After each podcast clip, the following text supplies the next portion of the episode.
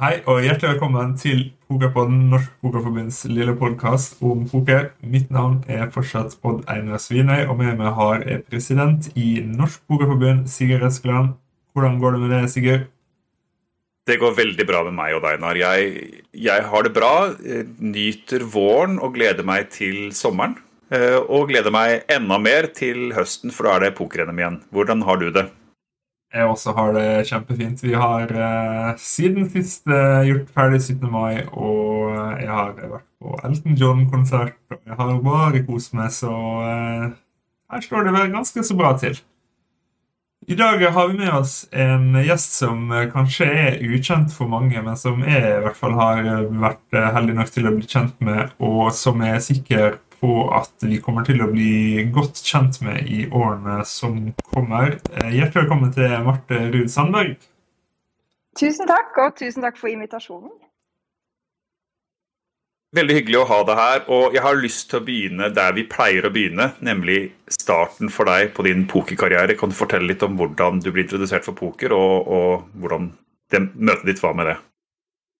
Ja, det har egentlig vært utrolig tilfeldig at jeg har ramla inn i dette miljøet. For det var eh, to venninner av meg som var på håndballtur til Kroatia i 2018. Og ble dratt med på et nachspiel av noen gutter de møtte og skulle, ble invitert med på turnering dagen etter. Da, så skulle lære seg poker på det nachspielet. Og klarte vel å komme seg i penga på den turneringen, de to jentene. Så de, eh, de ble jo helt bitt av basillen og kom hjem og sa nei, nå må vi lære oss poker. Så de samla et lite knippe med jenter, vi var åtte stykker, som eh, liksom sammen skulle lære oss poker. da. Så det her var eh, Jeg tror vi samla oss for første gang i mars 2018.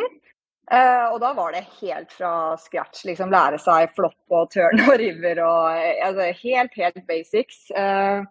så vi holdt på en gang i måneden og spilte en sånn 200 kroners tulleturnering hjemme. Og så utpå høsten der så ble jeg dratt med på en uh, ordentlig klubb av noen kompiser. Og da skjønte jeg liksom at OK, det her er jo noe litt annet enn det vi driver og surrer med hjemme, så her må jeg virkelig steppe opp for å lære meg spillet. Og etter det så har jeg egentlig bare uh, jeg har blitt helt bitt av basillen og gått veldig strategisk til verk. Uh, til å liksom lære meg Eh, både teorien og spillet, men også utvikle meg som en spiller på, på, en del andre områder også. Så det har vært eh, Ja, nå er det vel fire år da, snart med intens eh, og veldig morsom utvikling. Så det har vært kjempegøy. Hva var det som fascinerte deg, eller hva var det som gjorde at du ble bitt av basillen, tror du, med poker?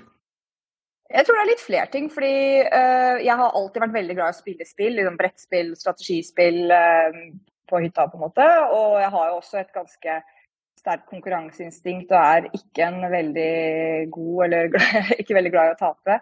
Um, så, så, det ligger litt i bånn. Og så er jo poker er jo et spill hvor du får utfordra deg på veldig mange ulike måter. Det ene er jo kall det liksom matematiske og teoretiske, men i tillegg så har du på en måte logikken, og du har psykologien og liksom det sosiale som spiller inn. Uh, så det er veldig mange faktorer. Og så har jo jeg mine styrker eh, på noen av de områdene, og så andre hvor jeg kan utvikle meg. Og det er liksom første gang i livet mitt at jeg har funnet en hobby som eh, faktisk jeg kjenner at jeg kan bli god, og, og kjenner mestring, men samtidig kjenner den derre utfordringa hele tiden og det å jage etter å bli bedre. Da. Så det, det har vært kjempegøy. Mm. Du har jo hatt en liten Altså en rask utvikling, da, kan du si, når du for første gang ble introdusert for poker i 2018, og nå har du ja, nylig hatt et bra resultat i København, som vi kan komme tilbake til litt senere, blant hvordan, har, hvordan har tilnærmingen din vært for å, for å lære og for å bli bedre? Uh, nei, På starten så var det jo egentlig bare å suge til seg det, det jeg kunne av informasjon i en altså det, det, det, er jo en veldig ukjent verden da, når du kommer utenifra. Så det å navigere liksom, Hvordan skal man lære seg dette her? Så jeg begynte faktisk egentlig bare med å lese Holden by Harrington og liksom lese en del uh, ulike bøker. liksom Basic uh, pokermatte og, og sånne type bøker. Som er ganske utdatert egentlig nå, da, en del av de. Og så ble det jo å bevege seg over på mer sånn nettkurs, liksom Race Your Edge og, og, den type opplæringsmoduler. Men jeg kjente jo ganske fort at jeg lærer veldig lite av å sitte og se på en, en tabell og lære meg på en måte teorien på den måten. Jeg, jeg må ha litt sånn praktisk tilnærming. Så det har jo egentlig vært det å, å få opp volumet, eh, spille masse og, og, virkelig være flink til å reflektere og analysere spillet underveis og i etterkant. da. Så det viktigste jeg har gjort for min utvikling, er at jeg har skrevet ned masse, masse masse spotter som jeg har sittet i. Uh, så jeg har et dokument på mobilen som er lang som et vondt år. Og, og klart å, å, finne spillere som er bedre enn meg, og som har lyst og evne til å lære bort. Da. Så jeg har hatt noen fantastiske kaller det på en måte mentorer, um, både innenfor turneringsspill, men også cash game, som jeg har diskutert enormt mye med. og det gjør at du forstår mye mer av hvordan andre spillere tenker, eh, hvordan du skal forstå Eh, dynamikken i spillet, og også at når du sitter i en situasjon neste gang, så forhåpentligvis har man plukka med seg noen, eh, noen, tips som gjør at vanskelige avgjørelser blir litt, nei, litt enklere, og at man klarer å hente tynn verdi der man bør det, osv. Så, videre. så det, ja, det har vært egentlig takket være et knippe veldig, veldig snille og dyktige spillere som har hjulpet meg dit jeg er i dag. Det er jo en veldig god eh, tilnærming som jeg tror er ganske vanlig, ikke bare i poker, men mange andre steder, nemlig det å lære av folk som, som er bedre. Da, og Det er jo noe jeg selv også har brukt som strategi opp igjennom, og blitt kjent med folk som de har respekt for og, og er gode. Og, og, Det er ikke nødvendigvis sånn at folk bør være så veldig mye bedre, men i hvert fall at enten de tenker annerledes eller i hvert fall er tenkende da, og, og har noe, noe verdifullt å, å, komme med. Og, og så er det noe med det å, når, når du gjør sånn som du gjør, og skriver ned hender som man lurer på fordi det er jo da, da, blir jo læringen veldig relevant for en selv, da, fordi det er ens egen pott. og Det, det jo, blir jo veldig interessant og spennende å, å diskutere da, tenker jeg for jeg. Ja, så er det så mange faktorer som spiller inn, så det etter hvert så merker jeg at den skriverne henne, så blir det på en måte, det er bare mer og mer informasjon på en måte som skal inn i, uh, i analysen for å, for å, på en måte ta den beste avgjørelsen. og Eh, det kan være helt enkle ting for min del. Altså, jeg hadde jo en periode hvor jeg jobbet veldig mye med trebett og firebett uh, f.eks. Og da bare skrev jeg ned helt enkle uh, spotter på det, hvor det var, kanskje gikk på sizing eller posisjon eller sant, så, sånne ting. Så det, det, er på en måte å ta bare sånne små steg hele tiden da, på, mm. på enkelte deler av spillet. Og så er det jo en viktig faktor, for jeg tenker jo det er en anbefaling til alle egentlig å, å, skaffe seg noen å diskutere med, men en viktig faktor er jo å sørge for å snakke med noen som gir deg gode råd. da, for det, på min vei så har jeg jo også møtt mange som ønsker å gi råd som jeg i etterkant ser at kanskje ikke var, var de beste. og man har jo litt sånn ansvar selv også for å vurdere hva man syns er et godt eller et dårlig råd. da. Så mm. det å ha litt flere rådgivere. For det, i poker så er det jo ikke to streker under svaret. Sånn at du kan jo få to, tre, fire ulike svar som kanskje alle er på, på sitt vis riktig, da. Så blir det jo til slutt å lande på hva du selv tenker er best, mm. best in the end.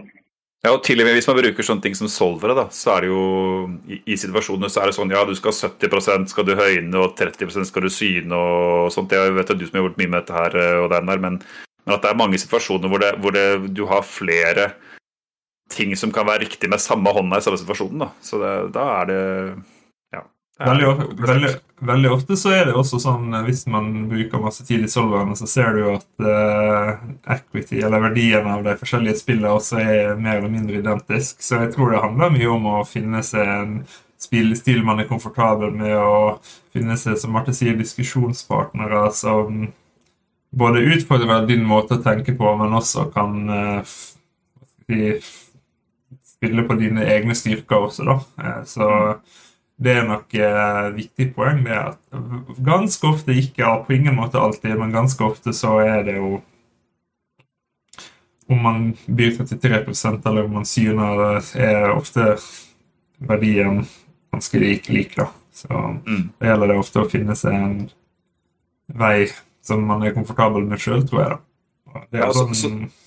Disse GTO eh, det er jo også, man, man, bør jo gjøre justeringer ut fra det. da, Det er jo GTO, eller det må jo være en slags baseline, og så gjør man justeringer basert på bordet og dagsform, kanskje. Og kanskje ikke dagsform, men iallfall gjøre justeringer.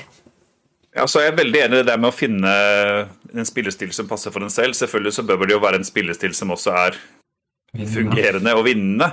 Eh, men å ha en sånn basis altså noen, noen som, som, spiller på ens egne styrker og hva en er komfortabel med, så kan man heller utvide og, og på en måte flikke på egne valg ut fra den, da, istedenfor å prøve å bare kopiere noe som en annen gjør eh, fordi den eh, har gjort det bra. Det er med, med tro på å finne sin egen vei litt, da, og så heller bare mm. eh, utvikle den. Mm, jeg er helt enig. og for min del så, jeg, jeg, tror det er veldig viktig for meg å kjenne at jeg har teorien i bånn, som en sånn At jeg vet hva som er et lønnsomt spill i, i, det lange løp. Men så handler det jo veldig om exploits og å lese bordet og lese spillerne og så se hvordan man kan gjøre tilpasninger som utnytter den enkeltes svakhet. Da. Og det er jo det jeg syns er skikkelig gøy. at det, ja, det psykologiske og sosiale det spiller også veldig inn. da. Du kan ikke bare sitte med en kalkulator og få to streker under det svaret, og så er det ferdig. Så det, det er kjempegøy. Og det, i hvert fall i norsk populasjon, holdt jeg på å si, så, så tror jeg det er veldig viktig. da. Mm.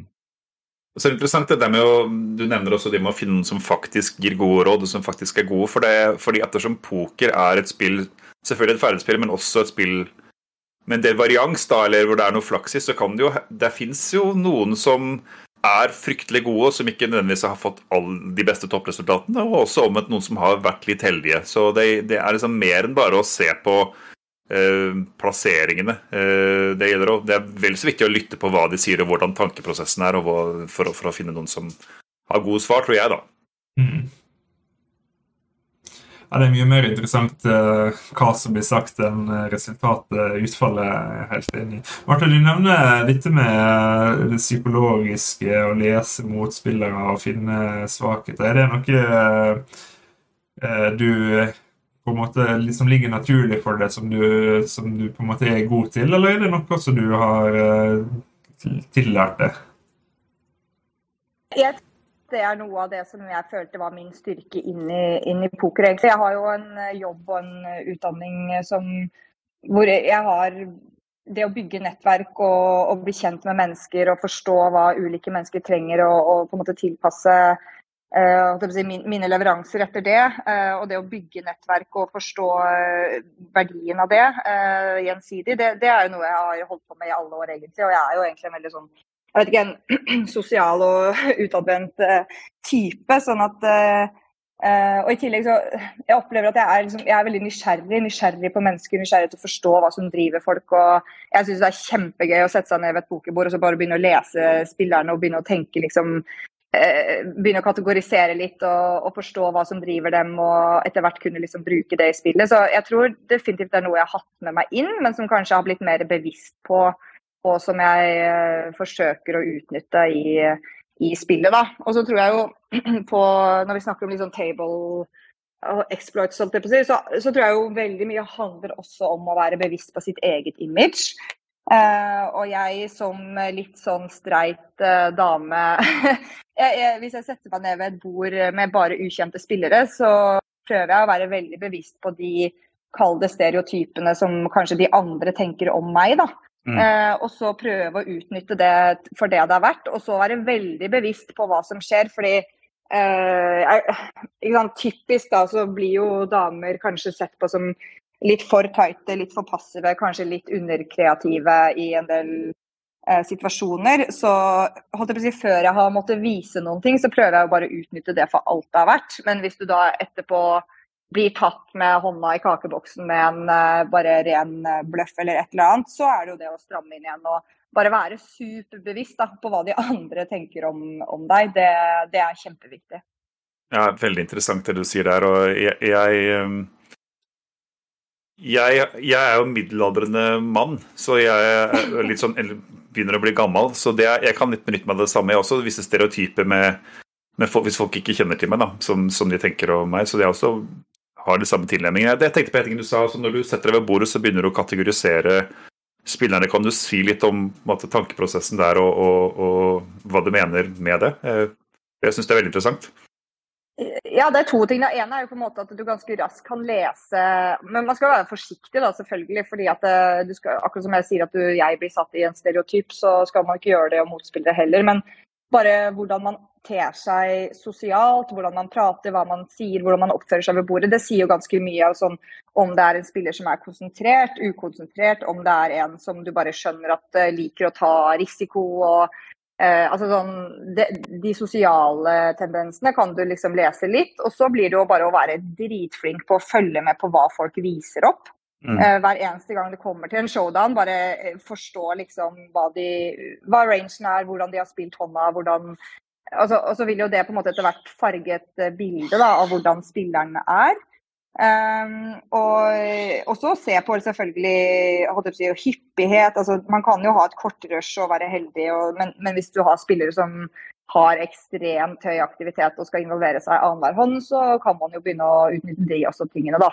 Og omvendt, hvis det er en som har sittet rolig Altså jeg satt på et bord nå forrige dagen hvor jeg tror jeg satt ved bordet i halvannen time, og en person ikke spilte en eneste hånd, og så trebet jeg, og så får jeg en firebett da, da, går liksom alarmklokkene ganske kraftig. Da. Så det er jo det å på en måte bare bruke all den informasjonen du får ved bordet til å gjøre gode avgjørelser. Mm. Ja, og, og jeg, jeg, gjør det samme når jeg setter meg med ved bordet. Så begynner jeg med en gang å måtte se etter ting. og det er det som du sier, Man må være forsiktig, men det starter liksom å putte dem i en slags sånn boks. da, og så, og så flytter jeg på dem i, inn i en annen boks eller endrer oppfatningen hvert som jeg ser til. Men det kan være alt fra hvordan de er kledd, altså, i hvert fall hvis jeg spiller internasjonalt. og I Norge så kjenner man det veldig veldig mange, men hvis man er og spiller i utlandet og man ser at det kommer en ung fyr med hettegenser, så er det med OK, da tenker jeg, tipper jeg online eh, mm. spiller med en gang. ikke sant? Man starter der. og Hvis det er en på min alder som har gullkjede og hvit skjorte, så tenker jeg OK, han, han er sikkert sånn han spiller kanskje litt annet igjen, da. Så, så, så jeg begynner der, og så, og så justerer jeg etter hvert eh, på det. Det tror jeg er en og, og, og, nettopp derfor er det sånn når man skal, når man skal gå gjennom en hånd, da, så er det hvis eh, så er det nesten det er ikke, Som du sier, du, du, legger, du, du skriver ned mer og mer informasjon etter hvert som du skal, nå, skal, få med deg i disse avgjørelsene. det er jo sånn at Man får jo aldri med all informasjonen, for alle disse, disse tingene her er veldig vanskelig å skrive ned. da, eh, Hva slags mm. inntrykk man har av en person.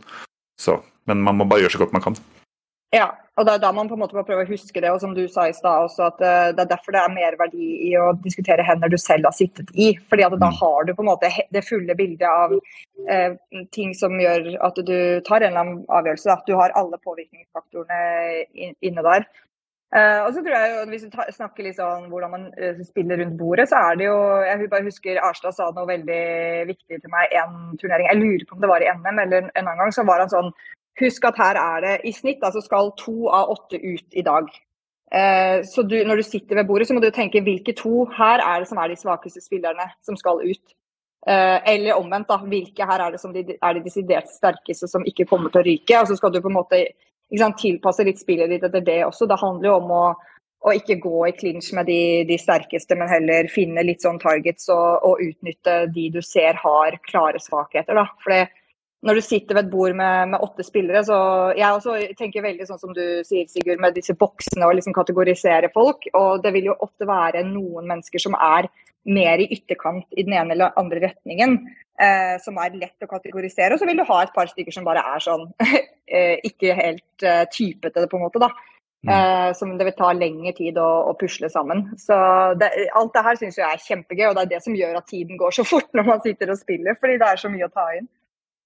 Marte, du kommer nettopp eh, tilbake fra København med et eh, ordentlig bra resultat i, eh, i ryggsekken. Kan du fortelle litt om hvordan turen i København var, og ikke minst hvordan turneringen som du gjorde kjempebra i der, var? Ja, det, det, var egentlig en kjempeopptur. Jeg dro til København for å spille Gullhånda.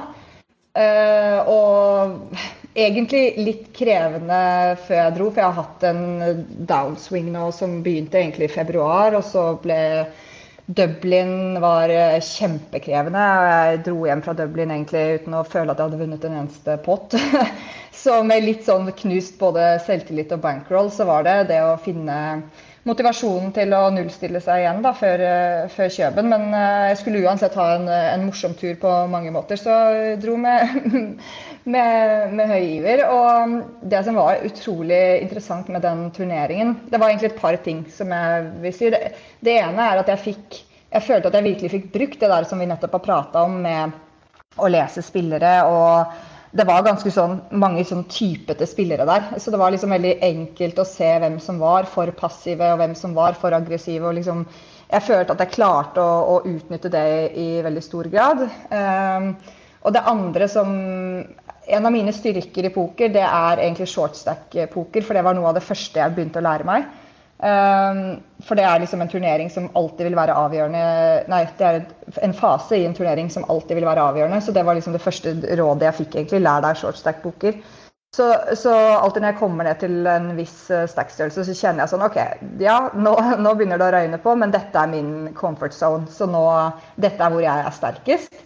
Og det som var så interessant med den turneringa her, var at jeg hadde egentlig aldri stor stack. Bare, det var å holde hodet over vann hele tiden med sånn medium til uh, uh, liten stack. Da, vi, altså, snittet inn til dag to var vel 120 000 eller noe, og før siste level på dag én så hadde jeg 20 eller 25 000.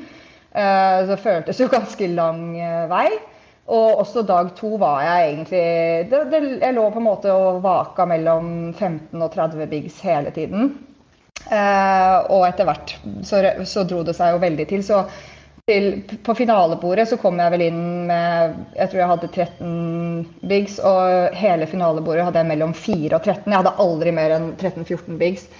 Så det finalebordet var ekstremt interessant, fordi det var en kjempebig stack som bare ble større og større. Og så var vi andre Det var ICM-krig, liksom. og jeg har jobba en del med ICM. Ikke nok, og jeg syns ICM er kjempevanskelig, men jeg har diskutert en del med, med spillere som jeg vet at er dyktige på det. Så jeg var så ekstremt oppmerksom på hele tiden se hvem som hadde, eller hvilken stackstørrelse folk hadde, da, og, og tilpasse spillet mitt etter det. og fra å ha kommet inn som Jeg tror jeg var nest minst inn på finalebordet, og det var jo tiveis, til å komme Jeg endte jo opp med å få en tredjeplass. Eh, det føltes som en seier, fordi det var eh, Ja, jeg hadde bare kriga meg liksom plass etter plass, og det var bare hånd for hånd hele tiden kjempe og krige og ikke ta ta dumme avgjørelser, men heller vente på at andre gjør feil. Da. Så det, jeg, gjorde, jeg, jeg overfolda sikkert litt også på det finalebordet, men det var fordi at det var ja, I ene situasjonen så var det en eh, ekstremt passiv spiller som sitter med fire-fem bigs, og jeg hadde tolv. Eh, og så blir jeg satt direkte all in av big stacken, og kasta jeg faktisk S10 eh, i blindekrig, som sikkert egentlig er et, eh, et, rent call, men det var så verdi for meg. For det ble jo ganske grove price jumps etter hvert der, da. Mm. Så det var skikkelig gøy å sitte og kjenne på at man får brukt litt av det man har trent på, da. Mm. Spennende. Du, du, du, snakket om litt om um om at du hadde en downswing før eh, København. Kan du fortelle litt om, om mental game, og, og, hvordan du takler downswings og oppturer osv., om det er noe du har eh, fokus på? Ja, altså, jeg vil egentlig si at ganske tidlig da jeg begynte å lære meg poker, så, så identifiserte jeg på en måte at én ting er å lære seg teori og, og det strategiske, men en annen ting er jo det mentale. og identifiserte ganske tidlig at jeg er jo en ganske emosjonell person og en emosjonell spiller. Så jeg tror i hvert fall tidlig så var det mentale var store deler av mine leaks lå på det mentale. Så det er noe jeg jobbet med ganske strategisk tidlig. Og jeg fikk utrolig mye ut av den Mental Game of Poker-boka som dere også har hatt en podkast om. Og jeg sier at den, den har liksom spart meg for utrolig mye både frustrasjon og penger, tror jeg. Um, og så, så det, det, å ha fått noen verktøy, uh, det har vært ekstremt verdifullt. Men det er klart at når man er i sånne perioder hvor bare oppoverbakken bare fortsetter, og du ikke helt ser at det klarer å snu da, For én ting er å, å, ha noen bad beats eller buste én turnering, to turneringer, tre turneringer, og så klare å på en måte riste det av seg og tenke at ja, det er varians og det er sånn og sånn når man har gjort det riktige spillet. men når det begynner å bli et stort volum, eh, og det er igjen og igjen og igjen, eh, og man går inn i det vi kaller en downswing, så kjennes det jo ekstremt tungt. og du, du begynner jo etter hvert å, å, kjenne at det går på selvtilliten også. og Man begynner å stille spørsmålstegn ved, ved, spillet sitt. Og etter hvert kanskje man begynner å kvie seg litt for å ta de der flippene som man må ta fordi man har en sånn magefølelse at jeg kommer til å tape uansett. Så også i de periodene der da, å bruke, bruke mentorer eller altså andre mennesker for å, for å øke eh, Om ikke øke selvtilliten, så i hvert fall få den bekreftelsen på at man har gjort et riktig spill, og at det, man må bare fortsette i, i samme, samme, vei. Eller justere, da, hvis man faktisk gjør eh, feil. Det kan jo også være tilfellet. Så sånn før Kjøben nå, så hadde jeg jo jeg har jo Kristian Arstad, som vel også har vært gjest hos dere, som har mange gode resultater. Han er jo en jeg snakker veldig mye med, og vi hadde en, en prep Vi pleier ofte å ha sånn prep før store turneringer, og nå vanligvis så pleier det å gå rent på spillet, mens denne gangen så var det liksom det mentale. da. Hvordan Mm. vi skulle jobbe mentalt nå inn mot å, å gjøre det bra i Kjøben, og spesielt også inn mot dag to. da. Men uh, det, det som var ekstremt fascinerende, det var at jeg leser den Mental Game of Poker 2 nå. Uh, jeg har begynt å lese den nå etter Kjøben, og i den boka så beskriver de uh, The Zone. Eh, og når jeg leste det, så var det som å kjenne akkurat hvordan jeg hadde det i Kjøben. Alle de tingene de nevner der, med at du bare du stresser ikke, det er hånd for hånd, du bare fokuserer på riktig avgjørelse. eh, du, alt kjennes på en måte litt enkelt. Du har det liksom ja, Akkurat hvordan de på en måte beskriver den der sonen, det var akkurat sånn jeg følte det i Kjøben. Så det var helt fascinerende å lese. Og det er jo meg en fantastisk følelse når man sitter her og, og spiller sånn, og det bare flyter, og man er bare fokusert. Det er på en måte bare det eneste som egentlig er viktig akkurat der og da, er det bordet man sitter på, og de folka man sitter rundt, og pottene og sånn. Alt annet liksom, det bare klarer man å skyve bort. da. Jeg syns iallfall det er en fantastisk deilig Mm. følelse, da. Veldig. Marte, jeg vet at du er på ferie nå og koser deg i solvarme Spania, men har du noen pokerrelaterte reiseplaner i tida som kommer? Ja, det har jeg, og jeg gleder meg ekstremt. For jeg har booket meg tur til eh, Vegas i juli for eh, VSOP. Det blir ikke full schedule, og det blir faktisk ikke main event heller i år. For det, ja, litt tilbake til skadeskutt eh, bankroll og selvtillit etter Dublin, så kjentes det ikke helt riktig å gå inn i den type turnering. Men jeg har funnet en veldig fin turneringsplan, så jeg skal spille to VSOP-turneringer, og så blir det litt sideturneringer. Så ti dager blir det i juli. Så det gleder jeg meg til. Det høres helt fantastisk ut. Jeg skulle veldig gjerne dratt selv, men eh, jeg tror det må vente til neste år. For min del, hvordan, eh, for oss som har lyst til å heie på deg og raile deg underveis, hvordan kan vi følge med på hvordan det går? Jeg syns det er veldig morsomt å oppdatere litt i sosiale medier, så dere må gjerne følge meg på Instagram. Der har jeg en konto som heter at marusa-poker, hvor jeg legger ut eh, stort og smått om det spiller, eh, spesielt når jeg er på reise og pokertur, da, men også litt sånn i Norge og legger ut litt håndanalyser og sånn. Så eh, bare å gå inn og følge der. Marusa-poker. Det skal vi absolutt gjøre. Jeg følger det allerede. Men eh, vi oppfordrer alle til å gi Martin follow. Da får du sett både tur, pokerturer og kanskje kan plukke opp noe ting du kan lære. og ja, Det er sikkert til glede for alle parter hvis, eh, hvis man følger Marte. Marte, tusen takk for at eh, du har eh, tatt deg tid fra ferien din til å prate sammen med oss. Det har vært ordentlig hyggelig å ha deg på besøk. Tusen takk. Det var veldig koselig å bli innlemmet i dette gode selskapet her. Jeg og Sigurd har ikke fortjent ferie like mye som du har, men eh, vi tar oss og innvilger oss likevel eh, litt podkastfri nåde nå. Det er her eh, vi avslutter på topp med, med Marte som gjest nå, og så kommer vi eh, tilbake i august. Er ikke det en plan, Sigurd? Passelig, passelig pause fra, eh, fra oss to nå? Det blir veldig bra plan, og så starter vi oppladningen til ende på Gardermoen når vi kommer tilbake etter sommerferien.